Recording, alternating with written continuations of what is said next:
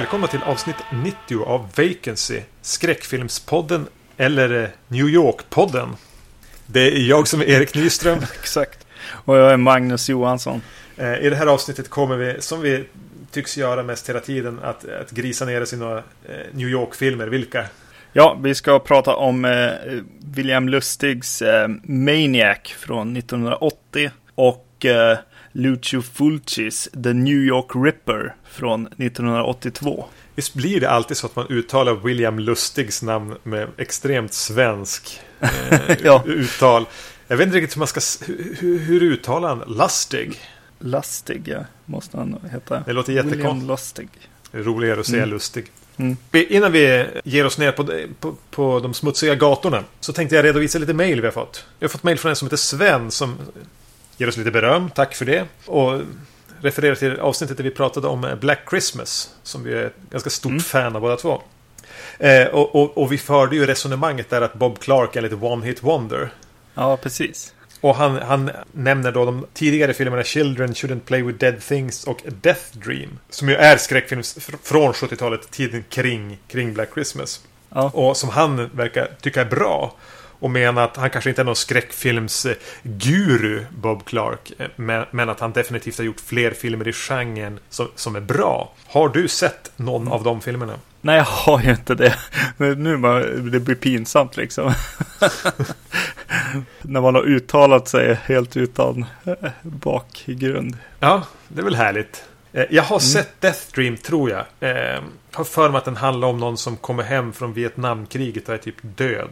Eh, eh, Om jag inte minns fel så har jag sett den och har den nog i, i hyllan också. Children shouldn't play with dead things. En sån där titel jag haft på en inköpslista sen typ 2001. Jo, det är väl eh, samma sak för mig. Och eh, han har, ju- har ju ändå varit med och producerat De- Deranged också. I, I någon kapacitet där. Ja. Så att, eh, ja, nå- något, något, något kan han ju om skräck. Så att man får väl kolla in de där filmerna då och kanske ta tillbaks uttalanden ogrundade. Eh, Frågan om han inte hade liksom nullifiera allting med det han gjorde sen från 1980 och framåt. Med typ Porcus och Mm. Gjorde inte han de här Baby Geniuses också? Ja, just det. Vi har säkert... Eh, hade vi samma funderingar i Black Christmas-avsnittet utan att kolla upp någonting? A Christmas Story är också en av hans Ja. Mer kända filmer. Mm. För, för några avs- avsnitt sen så slängde jag ju även ut den här uppmaningen att, att fråga, fr- höra av sig till oss och fråga efter filmer. Och eh, vi har fått en förfrågan nu från Jeppe eh, som bland, bland annat önskade det här amfibietema-avsnittet vi gjorde för något år sedan med eh, Frogs och den där eh, eh, ormfilmen med Oliver Reed. Mm. Eh, Nåja, hans fråga lyder så här. Eh, det handlar om en film som han såg för säkert 20 år sedan. Eh, allt jag minns från den är att det ligger en man i någon form av medvetslöst tillstånd på en säng på vad jag tror är ett sjukhus. Plötsligt börjar mannen ge ett ljud ifrån sig. Han väser stötvis typ th, t, t. Eller hur man nu ska uttala det. Han har skrivit th. the eller t. Ja. Har ni någon aning om vilken film det kan vara? Det, det, just med medvetslösa så tänker man ju typ Patrick eller, Ja. eller så. Det är väl den första man börjar tänka på, men det är kanske för enkelt. jag, så, jag kollade upp också, det finns någon annan variant av den, eh, verkar det vara, som heter Psychic eh, Killer. Psychic Killer. eh, det är en sån där också titel som har funnits på min, Ja, någon av mina listor genom livet. just det. Men nej, jag vet inte riktigt. Kan det vara så enkelt att det Sen är det väl, ja men alltså man vet inte om, om den här börjar liksom komma till liv eller om, om det ens har med sån här, att det händer någonting medan han är medvetslös där liksom. Det låter ju som att när han gör de här ljud... Nu, nu spånar jag bara fritt utifrån det jag läser i mejlet här. Att han på något Ja. sätt kanske reser iväg med, med sitt medvetande. Eller, eller i alla fall gör någonting genom att göra de här ljuden. Jag skulle använda det så i en film i alla fall. Om jag... Ja, precis. För det är inget bara något lik som börjar röra sig eller någonting sånt liksom. Som börjar göra otäcka ljud, typ The Beyond eller något sånt liksom. Nej, det verkar ju... Eh, Nej, medvetslöst tillstånd. Eh, precis. Eh, men Patrick är väl ingen vi, vårat förslag får väl vara Patrick då. Ja, precis. Eh, men det kanske finns någon eh, lyssnare som direkt känner igen vad det här skulle vara. Det var alldeles för länge sedan jag såg Patrick för att kunna säga ja eller nej. Eh, hör av er till oss. Eh, podcastetvacancy.se eller skriv till oss på Facebook. Ja, ska vi ta oss i tur med New York eh, sleaze-gritten här? För den här gången. Yes. Maniac från 1980. Eh, vi gjorde ju remaken i ett avsnitt Avsnitt 43. med Elijah Wood. Mm. Maniac handlar om Frank Zito. Visst heter han så? Vad heter han som har regisserat en? Eh, Fredag den 13 4. Ja, just det. Vad fan heter han? Ett ögonblick, det här måste vi kolla. Ja. Den mannen heter ju Joseph Zito kan jag konstatera efter att ha tänkt med hjälp av min mobiltelefon. Eh, Nåja, eh, Frank Zito är spelad av Joe Spinell. Eh, lommar runt i New York och mördar män och kvinnor. Mm. Han verkar göra det för att han har en eh, knepig relation till kanske sin mamma eller kvinnor i största allmänhet. Och det är väl egentligen premissen för hela filmen. Ja, precis. Man får följa den här ja, men seriemördaren Mm. helt enkelt. Och få en inblick i eh, en seriemördares liv här kanske. Den här filmen börjar ju som jag känner att många filmer gjorde efter att Hajen hade kommit. Och på stranden eller? Ja, precis. På en strand. Eh, den här eh, typ hajen på land. Gred. Eh, den börjar med, med ett par på en strand som, som blir stalkade av någon i gräset i närheten. Och eh, sen blir mördade. Det bara slår mig hur, hur mycket ändå liksom hajen har liksom inspirerat folk. När jag ser den scenen. Det känns väldigt så här. Som att de har försökt göra en introduktion till en Hajen-film fast på land. Eh, för, det, för det är ju väldigt lösryckt också just den biten. För han vaknar ur det här eh, Joe Spinells karaktärer i sin lägenhet då. Som ju är som ett monument för hans eh, psyke på något sätt. Eh. Ja, väldigt speciell lägenhet. Eh, trång skiffer med typ lila väggar och eh, ganska utstuderad, alltså väldigt, väldigt designad lägenhet. Eh, filmen i övrigt Mm. känns ju lite grann eh, on the go. Att de har stulit scener och de har spelat in på befintliga lokaler. Men här är det verkligen en, ett byggt litet näste för hans eh, psykoser. Mm, precis. Eh, jag tycker att den börjar eh, riktigt eh, bra, liksom genomtänkt på något sätt. Den berättar med väldigt enkla medel om, om han och hans bakgrund. Han går och tittar i sin spegel och, och kollar på liksom vad som verkar vara kanske då brännskador Mm. på, på bröstet. Och ma, han har en, en pojkdocka som står bredvid, bredvid ett altare. En bokhylla egentligen med, med massa stearinljus på och en bild på en eh, kvinna som, eh, som sitter och röker på bilden. Eh, Så man får ju direkt en känsla av att är det den här kvinnan kanske det kanske är hans mamma som har bränt honom med cigaretter som, Mm. hon, som hon röker när han var en pojke. som de också har en pojkdocka här. det är ganska ja, enkelt men liksom. Sjukt effektivt berättande. Ja, precis. Mm. Och man tänker sig någonstans kanske att han dödar sin mamma om och om igen i alla de här personerna han väljer att döda. Ja, precis. Och allt, det är mycket som berättas med liksom vad, vad de har, han har på sig och eh, även i den här lägenheten. Han verkar också ha varit med i, det militära. Han Mm. har en, eh, något emblem på sin jacka som han har sytt fast där. Som också visar på att han kanske är krigsveteran. Ja, filmen är från 1980 och han är liksom i ålder där han skulle kunna ha varit med då i Vietnam någon gång 15 år tidigare. Det är ganska, det är inget mm. ovanligt tema i filmer kring den här perioden. Taxi Driver eller, eller Rambo för den delen, för att nämna två väldigt kända. eh, Handlar ju lite grann om de här krigsskadade männen som kommer hem och ingen tar ansvar för utan som bara släpps ut i samhället och lommar runt och man vet inte. eh, Tickande bomber. Och just, Ja, eh, just Taxi Driver är ju en, känner jag, en, en ganska besläktad film med Maniac. I att den eh, Mm. fokuserar kring den här mannen som liksom vandrar runt, eller då i Taxi Drivers fall kör taxi ru- runt i i New York och betrakta liksom smutsen och misären som finns där. Och ha olika sätt att hantera det på. Och, och att det är trasiga människor med ett trasigt psyke som, som har sina egna demoner att brottas med. Så mm. tänker jag väldigt mycket på Taxi Driver. Ja, precis. Jo, det gör man ju. Och den här ja, men rollen på något sätt. Men här är vi ju, här är vi ju eh, redan liksom. Han har ju redan gått över gränsen. det här är ju typ. Taxi Driver 2 då. Nej, precis. Ja, jag kände ju att han hade har ju säkert haft en, en, jävla uppväxt den här mannen. Det är inte bara så här kriget som har fått honom på, på konstiga tankar och eh, att komma hem från kriget.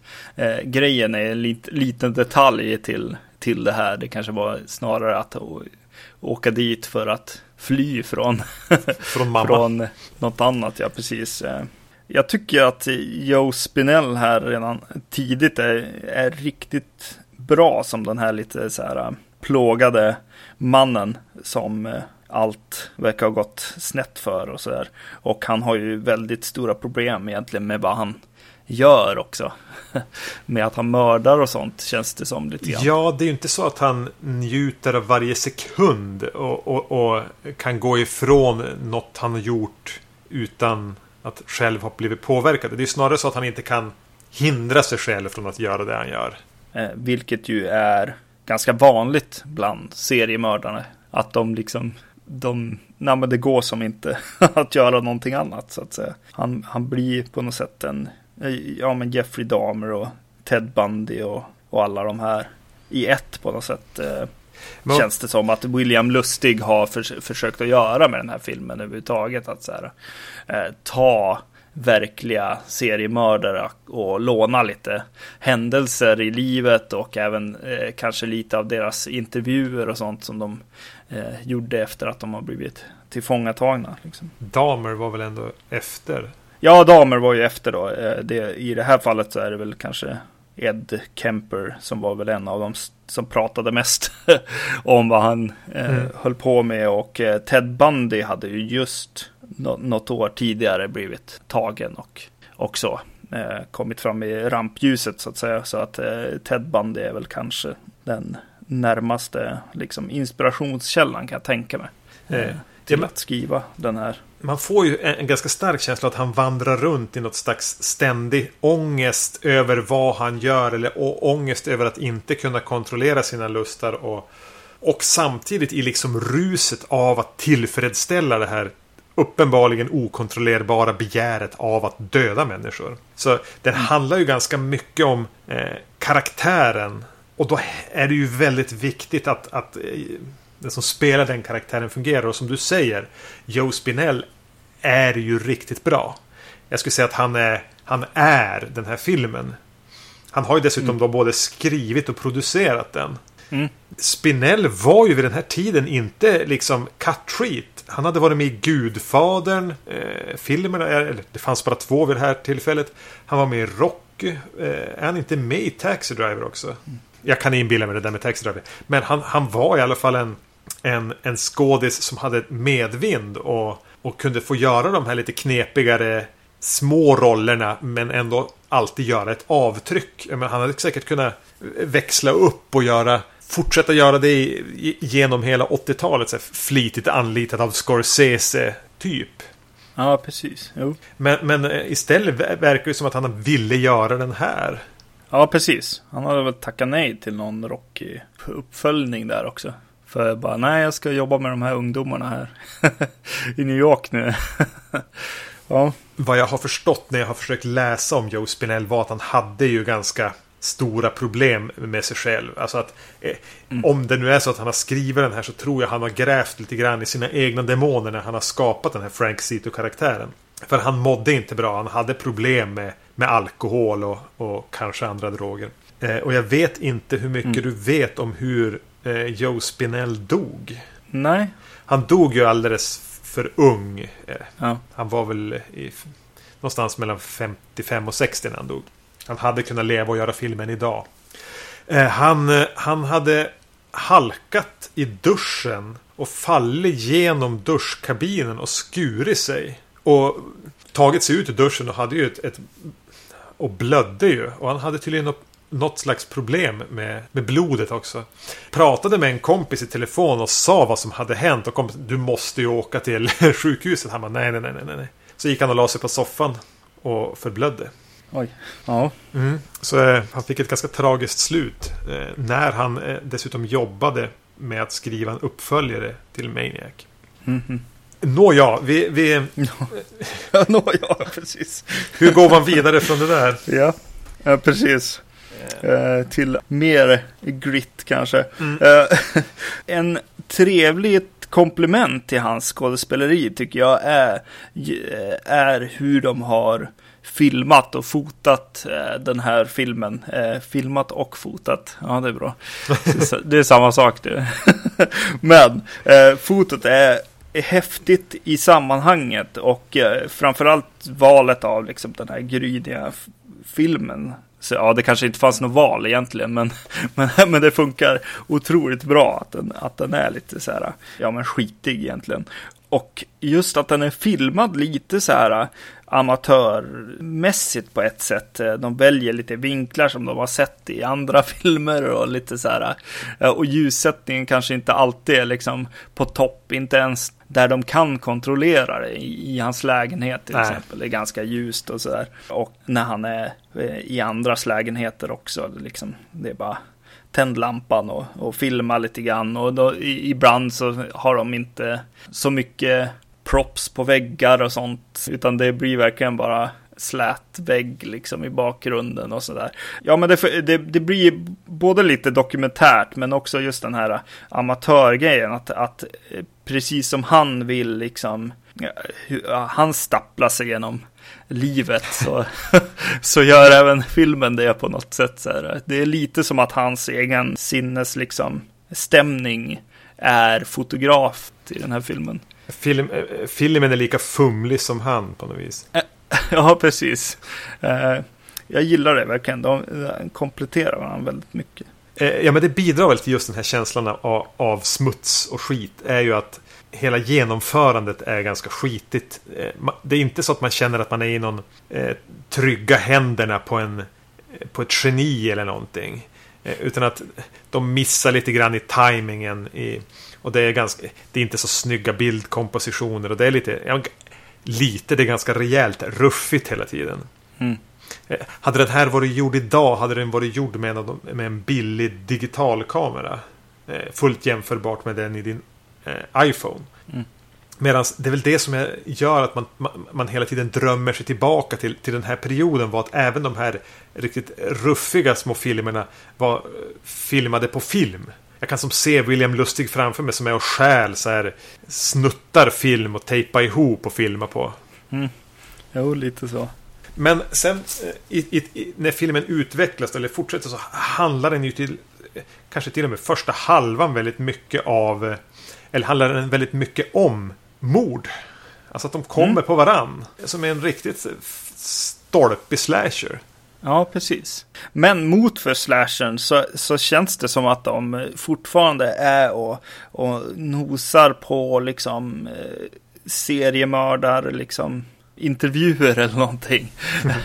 eh, tycker jag, mer om en del av dem. Eh, jag gillar, gillar det här första eh, strypmordet eh, som är lite jobbigt så här. Det är en, en kvinna som kanske inte lika bra skådis som Joe Spinell, men det är häftigt hur de gör det. Eh, att, att eh, det tar en jävla tid mm. att strypa någon. Eh, och den här fantastiska grejen med att kvinnan i sig byter liksom ansikte medan han gör det och han ser vad som förmodligen då är hans mamma. Ja. Mm. Eh, eller eh, kvinnan på den här fotot i alla fall. Jag tycker just den scenen är någonting, för Joe Spinelli är ju ingen, ingen mager man. Eh, och i den scenen han har gått till en prostituerad som han då eh, mm. sedan stryper. Att han liksom rullar över och lägger sig på henne. Eh, och använder verkligen mm. hela sin fysik. Det är något väldigt otäckt med. För i samband med att han gör det så är det som fortfarande inom citationstänken eh, sexuellt. Mm. Men det blir fortfarande bara så. Just när den här mannen bara vältrar sig över den här lilla, lilla kvinnan. Och så vet man ju vad som ska hända också. Det blir eh, lite motbjudande redan där. Det känns, det känns inte som att man vill titta. Man vill verkligen inte se det här. Nej, precis. Man får väl också en, någon slags inblick där i liksom prostituerades mm. liv. Eh, när de inte blir mördade på film, så att säga. Han lägger sig även som, så, som en sä. Han lägger sig så stumt över henne. Det är någonting mm. med det. Alltså, som en säck som... Ja. Eh, han kanske inte riktigt eh, vet eller kan det här med... Föra sig i sängen. Nej, precis. Med, med, med sex, hur man gör det utan att liksom ja, strypa eller, eller hugga någon. Och, och, och det mordet följs liksom av ytterligare två mord i ganska, ja, men ganska rak linje. Eh, mm. Vi har det här, ja, men det här strypmordet på hotellet. Vi har eh, det kanske mest kända mordet som är när han hoppar upp på bilhuven. Eh, och så har vi ett där han förföljer en sjuksköterska. Den, den med bilen är ju är ju häftig hur den är, alltså bara produktionsmässigt att liksom de har varit och sturit en, en bild, skjutit med hagelgevär nedanför någon, någon känd bro där i New York liksom. Och så bara haft någon så här docka som de verkligen har skjutit skallen av som verkligen, mm. ja. Och så sen typ puttat undan dockan och kört därifrån typ med den bilen liksom. Innan polisen hann dit. Ja, precis. Tom Savini inblandad. Eller han spelar mannen i fråga bakom ratten. Ja, Disco Boy. Eller ja. något sånt har han som, som namn. Det är bra. Eh, där, där är också, eh, där får man lite Zodiac-vibbar också av den här grejen att eh, mannen i fråga, alltså i, i, i bilen, han skjuts väldigt snabbt och så sen tar, tar han sig tid med, med kvinnan i bilen och verkligen man skulle vilja... Det, det, ja. det är därför han är där, för att döda kvinnan. Skräckfilmer i allmänhet är väl det inget ovanligt. Eh, nej, nej, eh, det är väl sant. Från den här epoken att, eh, att männen avpoliteras snabbare än kvinnor. Det är, mm. är oftare så att man får se kvinnor be för sitt liv och kvida länge än vad du får se en man göra det. Ja. Eh, men det är, en, det är en klassisk scen. Är det någon, någonting som Maniac har lämnat efter sig så är det just den där motorhuvsscenen. Mm. Eh, sen, sen minns jag scenen då som, eller mordet som kommer efter. Eh, när han stalkar en sjuksköterska. När jag såg den här första gången så såg jag den alltså som en del av en eh, undervis Jag läste en sommarkurs på Umeå universitet som heter Skräckfilm och våldsskildringar. Sommaren 2002. Mm. Så, så, jag såg den i utbildningssyfte. Eh, då visade vår föreläsare Maniac. ja, eh, såklart. Såklart satt man efteråt, typ drack kaffe åt en Delicatoboll och pratade med de andra som hade valt att läsa den här kursen på sommaren för att eh, kanske kunna få lite extra CSN-pengar och inte behöva jobba, mm. eh, precis som jag. Eh, som bara hatade den och tyckte den, framförallt hatade de den för att den var så ospännande. Ja. Det, är ju inga, det var inga, inga scener utom just den här stalk när man följer efter in på en så offentlig toalett och går. Ja. En sån scen. Det var det enda de kunde gilla i filmen. Det var den scenen, några, kanske en minut där, för då, då, var det lite spännande. I övrigt var den ju dålig, för det var ju ingen spänning. Nej, okej. ja. ja, jo, så kan man ju tänka. Alltså på ett sätt så står ju den ut på det viset också. Att så bara, jaha, ja okej, här är det någon, så här, någon slags spänningsmoment på något mm. sätt. Eh, den eh, scenen. Och, och, när jag ser på filmen så, så fick jag en massa massa sådana här, eh, bara för att eh, jag har lyssnat på en podcast som heter Last Podcast on the Left. Som är eh, eh komiker. Som eh, pratar om eh, typ seriemördare och det okulta och annat. Och tänjer lite på gränsen med så här, vad får man skämta om egentligen? Och ibland blir det en så här, ibland tycker jag att det där är så här, ja, det är lite jobbigt så här. Men eh, de är ganska bra på sin så här, research också. Så den är lite så här spännande på det viset. Och, där, och därför, eh, när jag har lyssnat på de här så kommer den informationen med mig in i den här filmen den här gången väldigt mycket. Så man ser massa paralleller till riktiga seriemördare. Men till slut så måste jag ju ändå ta en liksom en, ett steg tillbaks och säga men det, den är ju inte gjord så direkt, utan den är ju också en så här liten eh, nästan mördar exploitation film på något sätt, nästan eh, serietidningskänsla får jag. Jag får, jag får en känsla av, vad heter han, Garth eh, Ennis eh, eh, serier, typ Preacher eller, eller hans eh, Punisher. Ja, det här är mer ditt område än mitt. Jag har inte, tror inte jag har läst... Eller, jag har läst några Punisher som jag vet att jag har lånat av dig. Men det är verkligen ja. ingenting jag kan. Nej, precis. Men det, men det, men det känns som kanske att eh, Maniac har, har haft inflytande där kanske. Men den känns också som att den är lite comic booky. Lite gritty comic books på något sätt. Eh, lite som eh, George Romero säger om Dawn of the Dead. Att den är ju gjord som en serietidning. Liksom. Mm. Och man får lite sån känsla här också. Eh, det är lite larger than life på något sätt. Det är ännu mer gritty än, än gritty på något sätt ibland här. Förhöjd smutskänsla. Eh, precis. Och det, det, det eh, gör också eh, en av grejerna som jag känner om William Lustig här då. Är lite grann har jag alltid fått en känsla av att han är den här regissören som eh, verkligen, verkligen gillar skräckfilm och vill göra det. Mm. eh, och eh, är väldigt inspirerad av annan, annan film. Liksom. Och kanske ibland inte har sin egen lite vision förutom att göra i det här fallet kanske göra liksom, åh, jag ska vara lite extra gritty liksom när jag gör min så här slasherfilm i New York grit liksom. Uh, men jag förstår precis vad du menar. Han känns mer som ett eh, entusiastiskt fan än, ja. än som en med speciellt mycket fingertoppskänsla. Ja, precis. Jag tänker, jag såg ju alldeles precis bara för några dagar sedan The Guest av Adam Wingard. Som är någon slags 2010-talets eh, William Lustig i sådana fall. Han är även mannen bakom eh, Your Next som gick på bio här för, för något år sedan. som också känns som filmer av någon som gillar det här. Men helt oförmögen att regissera film. ja. Både skriva och regissera. Eh, det enda han har kvar är liksom ett, ett brinnande entusiasm. Och vill jag tro en jätterik pappa. just det, just det. Just det. Ja. Nåväl. Uh, för, för det här med Larger than Life och grejer och att han har gjort en slasherfilm egentligen här också. Uh, det, det finns vissa saker som kommer från slasher genren på något sätt. Bland annat så, så här, går han omkring och så här, stönar och andas jättedjupt i, i scener där han ska liksom följa efter de här kvinnorna och sånt. Det känns för mycket. ja, det är för väldigt mig. påtagligt. Eh, särskilt för en sån här eh, ganska så här nedtonad karaktär på något sätt. Eh, det blir lite för over the top där. Och ibland så tycker jag inte heller att vad det, när han börjar med voiceover eller pratar, liksom, särskilt i början i sitt hem, att det, det, det stämmer inte riktigt. Så här. Det är inte nog häftigt. Men sen så kommer det några sådana scener som är ganska otäcka också. Liksom. Eh, bland annat när han kommer, kommer eh, hem och lägger sig bland en av sina skyltdockor. Han har massa skyltdockor hemma. Mm. Eh, där han stämplar fast offrenas hår på.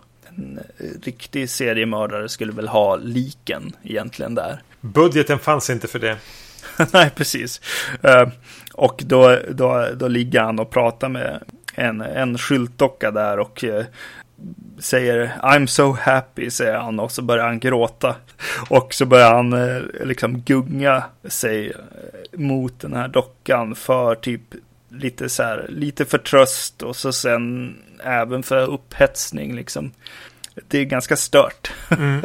och, och, och, på det sättet eh, ganska bra, den, den sekvensen. Den är ju lite hit and miss i största allmänhet. Alltså det är mycket att bara kasta saker och se vad som fastnar. Mm, mm. Och, och, och, det blir även lite så över Joe Spinells agerande. Jag tycker att han förkroppsligar den här psykopaten på ett bra sätt. Men att, att alla idéer de har använt sig av här är ju inte toppen. Nej.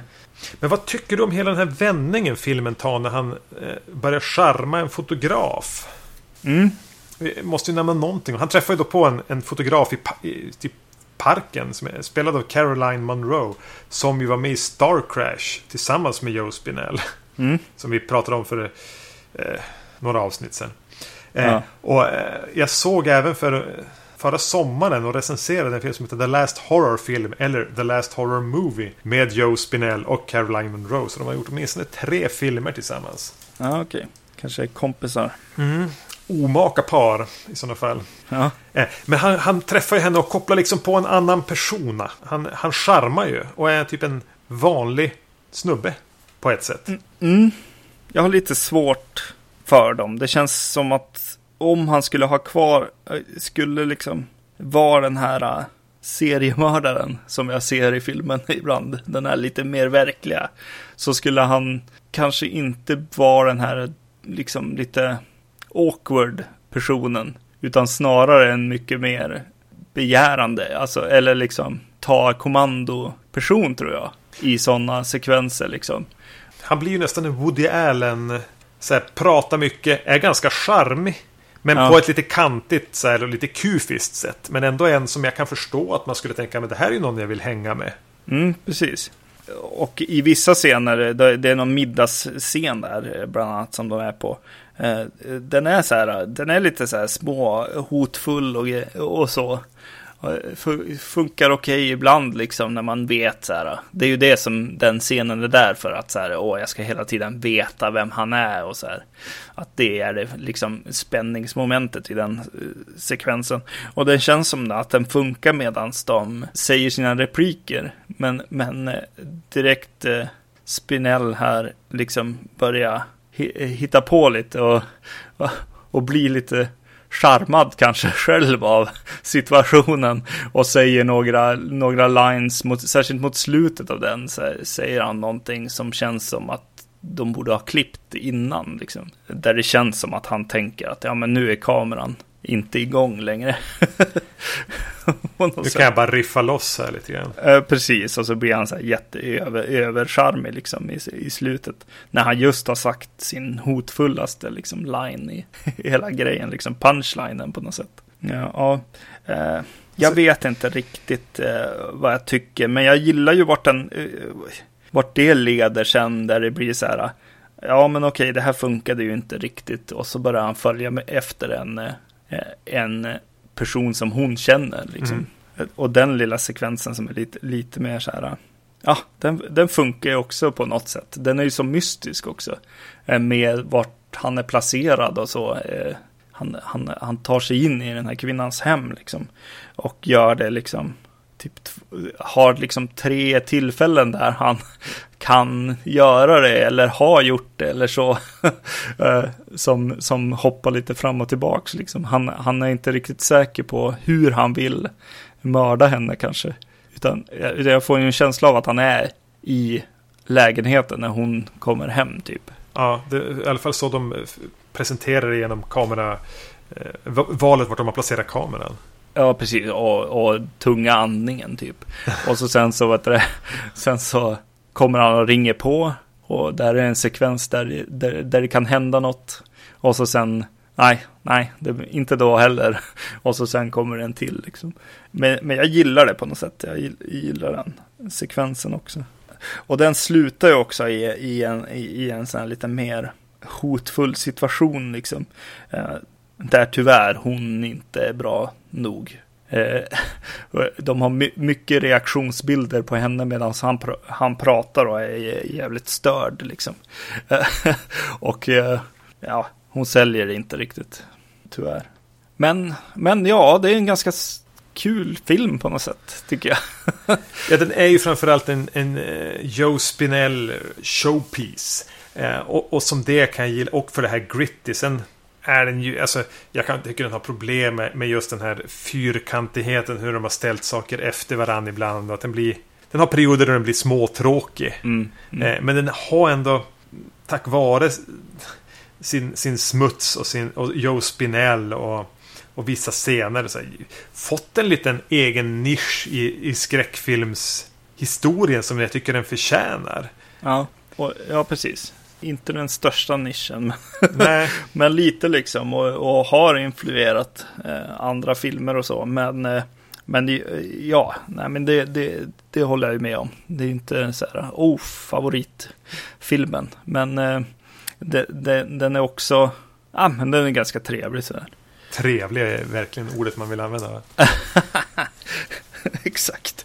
Visste du att tanken var att Dario Argento skulle producera, Daria Nicolodi skulle spela Caroline Monroes eh, roll och att Goblin skulle göra musiken? Mhm. Mm Coolt. Ja. Musiken är väl egentligen en till grej som man kan nämna att ibland blir den riktigt cool så här 80-tals. Härlig på något sätt. Framförallt i den där stalker-scenen när de ska eh, in på toaletten där och, och så. Lite häftigt. Såg du Mrs. Voorhees då? Mm, precis. jag bara vänta, men där dyker Mrs. Voorhees upp. Eh, det är ju Tom Savini som har gjort specialeffekterna här och har eh, tagit med sig lite, lite grejer till, som han just använt på fredag den 13. Ja. lite kul. Den härliga, härliga tröjan kan man inte ta miste på. Nej. Eh, Dario Argento kom inte till, till New York och producerade Maniac 1980. Men Lucio Fulci kom dit två år senare och regisserade New York Ripper. En slags eh, eh sleazy eh, 80-tals giallo om en mördare som mördar kvinnor på Manhattan och har som call sign att han pratar som en anka. En sliten polis får fallet att sätta dit mördaren och ta hjälp av bland annat en eh, profiler. Exakt. Det är The New York Ripper. Ja, men, eh, Lucio Fulci i New York med sitt här, ruffiga foto.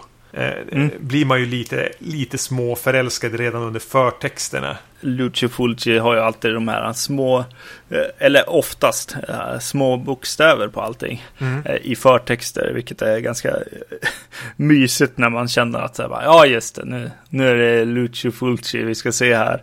Och så kommer han med, med lite så här små gubbhumorn som man har när den här just en, en gubbe som är ute med sin hund och leker, vad heter det, catch. Ja, man kastar någonting som hunden, apport heter det. Apport. Och eh, kastar den lite för långt in i någon buske. Och eh, hunden kommer tillbaks med en hand. Ja. Och eh, musiken sätter igång och vi är igång på något sätt. Ja, men det är så här klatschigt, trashigt intro. Ja. Hela sekvensen har använt lite det här. Handhållen kamera, patenterade inzoomningar som man inte riktigt vet vad, vad, vad den ska ta fasta på. Ja, men Precis, nu kör vi. Det första som slår en är ju att vet, Lucio Fulci är i New York och han ska ta nytta av det. det, är, det är liksom eh, skylines hela tiden. Det är vad det, Staten Island Ferry mm. eh, är på färjan där. Eh, och eh, alla, i alla fall äldre personer har en väldigt, väldigt bred New York-accent. Framförallt Lucio Fulci själv. Ja, precis. Ja. Han och den här, den här landlorden, kvinnan som vi ser i början, mm. ett, ett av offrenas eh, är hyresvärd som hyresvärd, ja. ger polisen lite information. Mm. Jo, hon pratar väldigt bred. Och sen dyker Fulci upp i en ganska liten roll som han ganska ofta gjorde vid den här tidpunkten som en... Han är väl typ polischef eller något ja. liknande. Och har en extremt bred dialekt. Ja. Han, han, dök upp i andra filmer så använde han sig förmodligen av samma dubbare. Och jag vet inte riktigt om man tyckte det var ett kul skämt att sätta så här löjligt amerikansk dialekt på. Alltså. ja.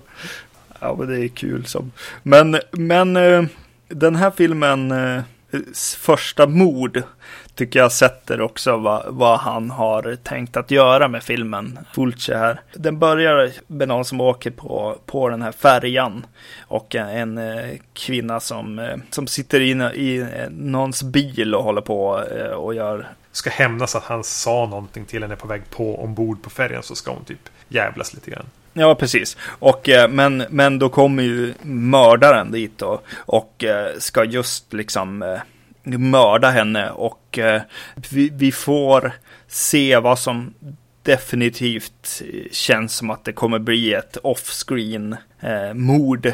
Han, han klipper till och med till en, en stor så här, vybild eh, tillsammans med ett skrik eh, där. Men... Sen kommer vi tillbaka. Ja, här säger Lucio Fulci, nej, nej, nej, så lätt kommer ni inte undan.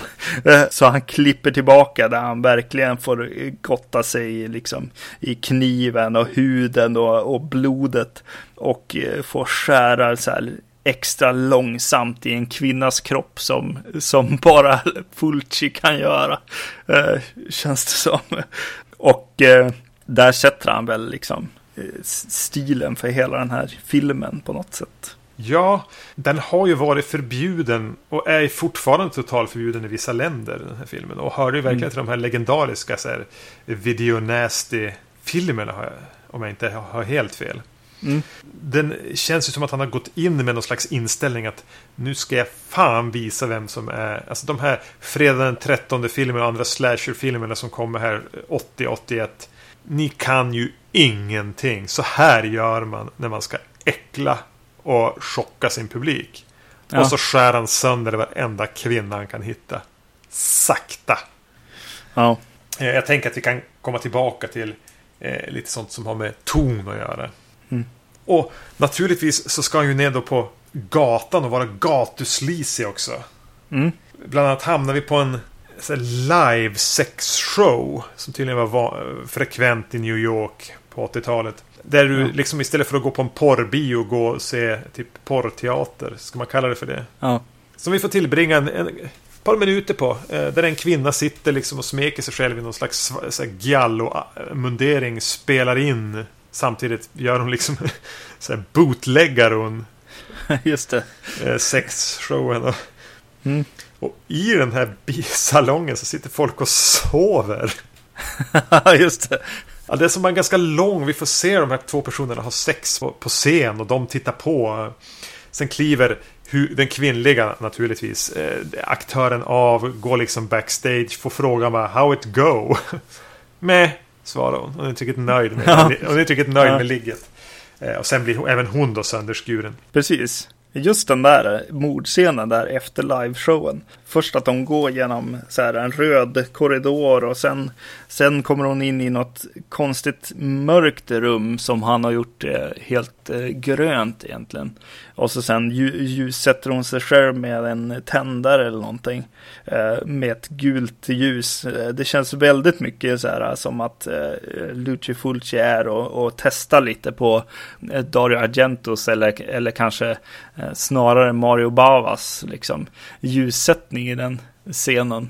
Där, där han, han känner på hur hur sån ljussättning går att använda liksom. Men sen så kommer han ju in igen och liksom hugger den här kvinnan med en trasig flaska rakt mot eh, könet. Mm. Och sätter som någon slags punkt för, för så här, den lite finare giallo-känslan kanske. Ja, men Giallos var ju under 60-70-talet kända för att vara lite stiliserade och på något sätt så här visuella och nästan, nästan smakfulla på ett mm. smaklöst sätt. Medan här är det verkligen bara trasa sönder det här lite classy ryktet som italiensk skräckfilm kanske hade, tack vare kanske framförallt Mario Bava, ändå etablerat. Så bara fortsätter, mm. nej, nu, nu jävlar ska jag visa vem som är värst. Ja, det känns eh, precis så. Bara, antingen ska han vara värst eller att så här, ja men det är det här ni vill ha, ni som ser på de här jävla filmerna mm. liksom. Då ska ni fan få det liksom. Då ska vi ha liksom, ja, den här sexshowen först och sen ett eh, mord med liksom hugg direkt mot könen och, och så. Ja, men den speglar ju... Eller så är han lite sjuk, mm. den här mannen. Eh, speglar ju hela tiden så njutning och, och, och mord också. Mm, precis. På, på ett sätt eh, som får mig att tänka att det är en, en medveten medvetet val att ställa sex och död mot varandra. Eller mord kanske snarare än död. Bara för att eh, skapa någon form av dynamik i filmen. Mm. Ja, precis. Om man någonsin har liksom tvivlat på att liksom mordvapnet i skräckfilmer, typ en kniv, är en, en symbol för liksom det manliga könet, eh, så får man ju här svart på vitt hur det är. Det känns som att hela den här filmen på något sätt handlar om att penetrera en kvinna på något sätt. Alltså den tar ju misogyni eh, på film till helt nya nivåer. Ja, Alltså eh, var man ju inte med och såg film när den här kom, men eh, den är ju någonting helt annat när det handlar om att liksom förnedra kvinnor på, på olika sätt. Det räcker liksom Mm. inte med att skära sönder bröstvårtor, flaskor i, i könsdelarna, utan de ska ju även bli liksom sexuellt förnedrade. Den här stackars kvinnan då som satt på den här som vi fick träffa på den här liveshowen, hon som satt och spelade in. Mm. Är ju som en bihandling. Där hon och hennes man verkar ha någon slags eh, öppen, öppet äktenskap. Mm. Eh, och hon söker olika typer av sex och hamnar bland annat på en klubb där hon blir liksom utsatt för övergrepp av några unga män. Mm. Som mer eller mindre tvingar henne att säga att hon gillar det. Och när hon säger att hon gillar det så slutar de och skrattar åt henne och går därifrån. Vilket ju skickar, även skickar någon slags budskap om att ja, men en, kvinnor gillar egentligen att bli liksom, utsatta för övergrepp på puben. Ja, precis. Eh, Det känns lite som att eh, Fulci rättfärdiga liksom. bara, Ja, men vadå? Hon var ju på en live sex show. Hon verkar ju gilla sånt här liksom. Eh, Det är klart att det här är okej på något sätt. Inte lite, vad heter det, victim blaming här. Behöver vi nämna att huvudpersonen av den här slitna polisen naturligtvis köper sex? That goes without saying antar jag. ja, precis. Jo. Jo. Eh, och hela filmen tröskar ju på så här. Är ju på något sätt rätt ambitiös i att den bygger upp sig sidointriger och låter dem presentera den här mannen som har stympade fingrar som blir misstänkt för morden men som tittaren ganska snabbt förstår nog inte är mördaren ändå. Presenterar en kvinna som undkommer mördaren. Presenterar hennes mannen i hennes liv och har ju ändå en viss ambitionsnivå. Eh, men samtidigt tröskar det. Märker man ju att andemeningen är bara skära upp folk och bara hata. Mm, precis. Eh, det var ju en eh, manusförfattare, jag vet inte om det är han som har skrivit eh, den här, en av dem som har skrivit den här filmen har också varit med och skrivit Cat och Nine Tales, Dario Argentos film. Och jag vet inte om det, var, om det var just den här manusförfattaren, men jag såg en intervju med en manusförfattare som, som jämförde Lucio Fulci och Dario Argento och eh, sa att eh, Argento är ju, eller skillnaden mellan de här männen är att Argento är ju rädd för kvinnor medan eh, Fulci hatar kvinnor. Och det, det, det var det som var liksom skillnaden att skriva till de här två eh, männen. Och eh, ja, eh, hans citat blir ju lite, liksom, får ju lite mer punch i sig när man ser den här filmen. Ja, alltså kvinnohat i synnerhet. Men den, jag tycker den verkar sjuda av ett slags grundmurat förakt för människor. Mm. Liksom en obeskrivligt pessimistisk syn på världen som genomsyrar hela filmen. Kanske nästan en anti-amerikansk film också. Alla karaktärer du träffar på här är nästan motbjudande. Mm. Eh, och folk blir utsatta för motbjudande saker. Det finns ingen, ingen värme ingenstans. Det är något citat på slutet av filmen. Bara, A little affection is all she asked for. Mm. Eh, eh, syftande på en bikaraktär. Och det bara lämnar en på ett extremt mörk plats. Eh, Ja. och det, det måste man ju ändå säga att all den här liksom nihilismen och, eller hatet och människoföraktet framförallt kvinnoförnedringen som den gör ju att den får en jävla sprängkraft ändå. Mm. På det sättet. Plus att jag skulle nästan säga att just regiarbetet så har, har Fulci lyckats pricka in något här. Den är inte, om man ska jämföra med Maniac då, som ju bara är ett eh, mischmasch av någon som inte riktigt vet, så ser man, det är det som gör det jobbigt också, att man ser att Fulci vet ju vad han gör. Ja, han har ju gjort den här och så vet du den här eh, som vi kanske någon gång kommer till, Ca- Cat in the Brain, som jag inte ens vet om du har sett. Jo, Ja, där liksom Lucio Fulci går in och liksom verkligen in i något slags mörker liksom. verkligen. Mm. Eh, en till sån där film där liksom det här, någon slags föraktet mot allt finns på något sätt. Eh. Jag, jag, jag börjar mot slutet tänka så här, men jag ser ju inte så överdrivet slisiga filmer kanske. Det, det kanske var jävla... Om du jämför med Svenne Banan så ja, men... Eh, precis, men jag blir så här, ja men den här är väl rätt unik, börjar jag tänka. Eller? I just det här liksom. Jag tänker att den blir framförallt unik i smockan den ändå lyckas leverera. I att vara Exakt. så sjukt mörk och pessimistisk och hatisk. Ja, till skillnad från annan slis som är så här eh, kittlande liksom, kanske. är menat att vara det. Eh, Medan den här...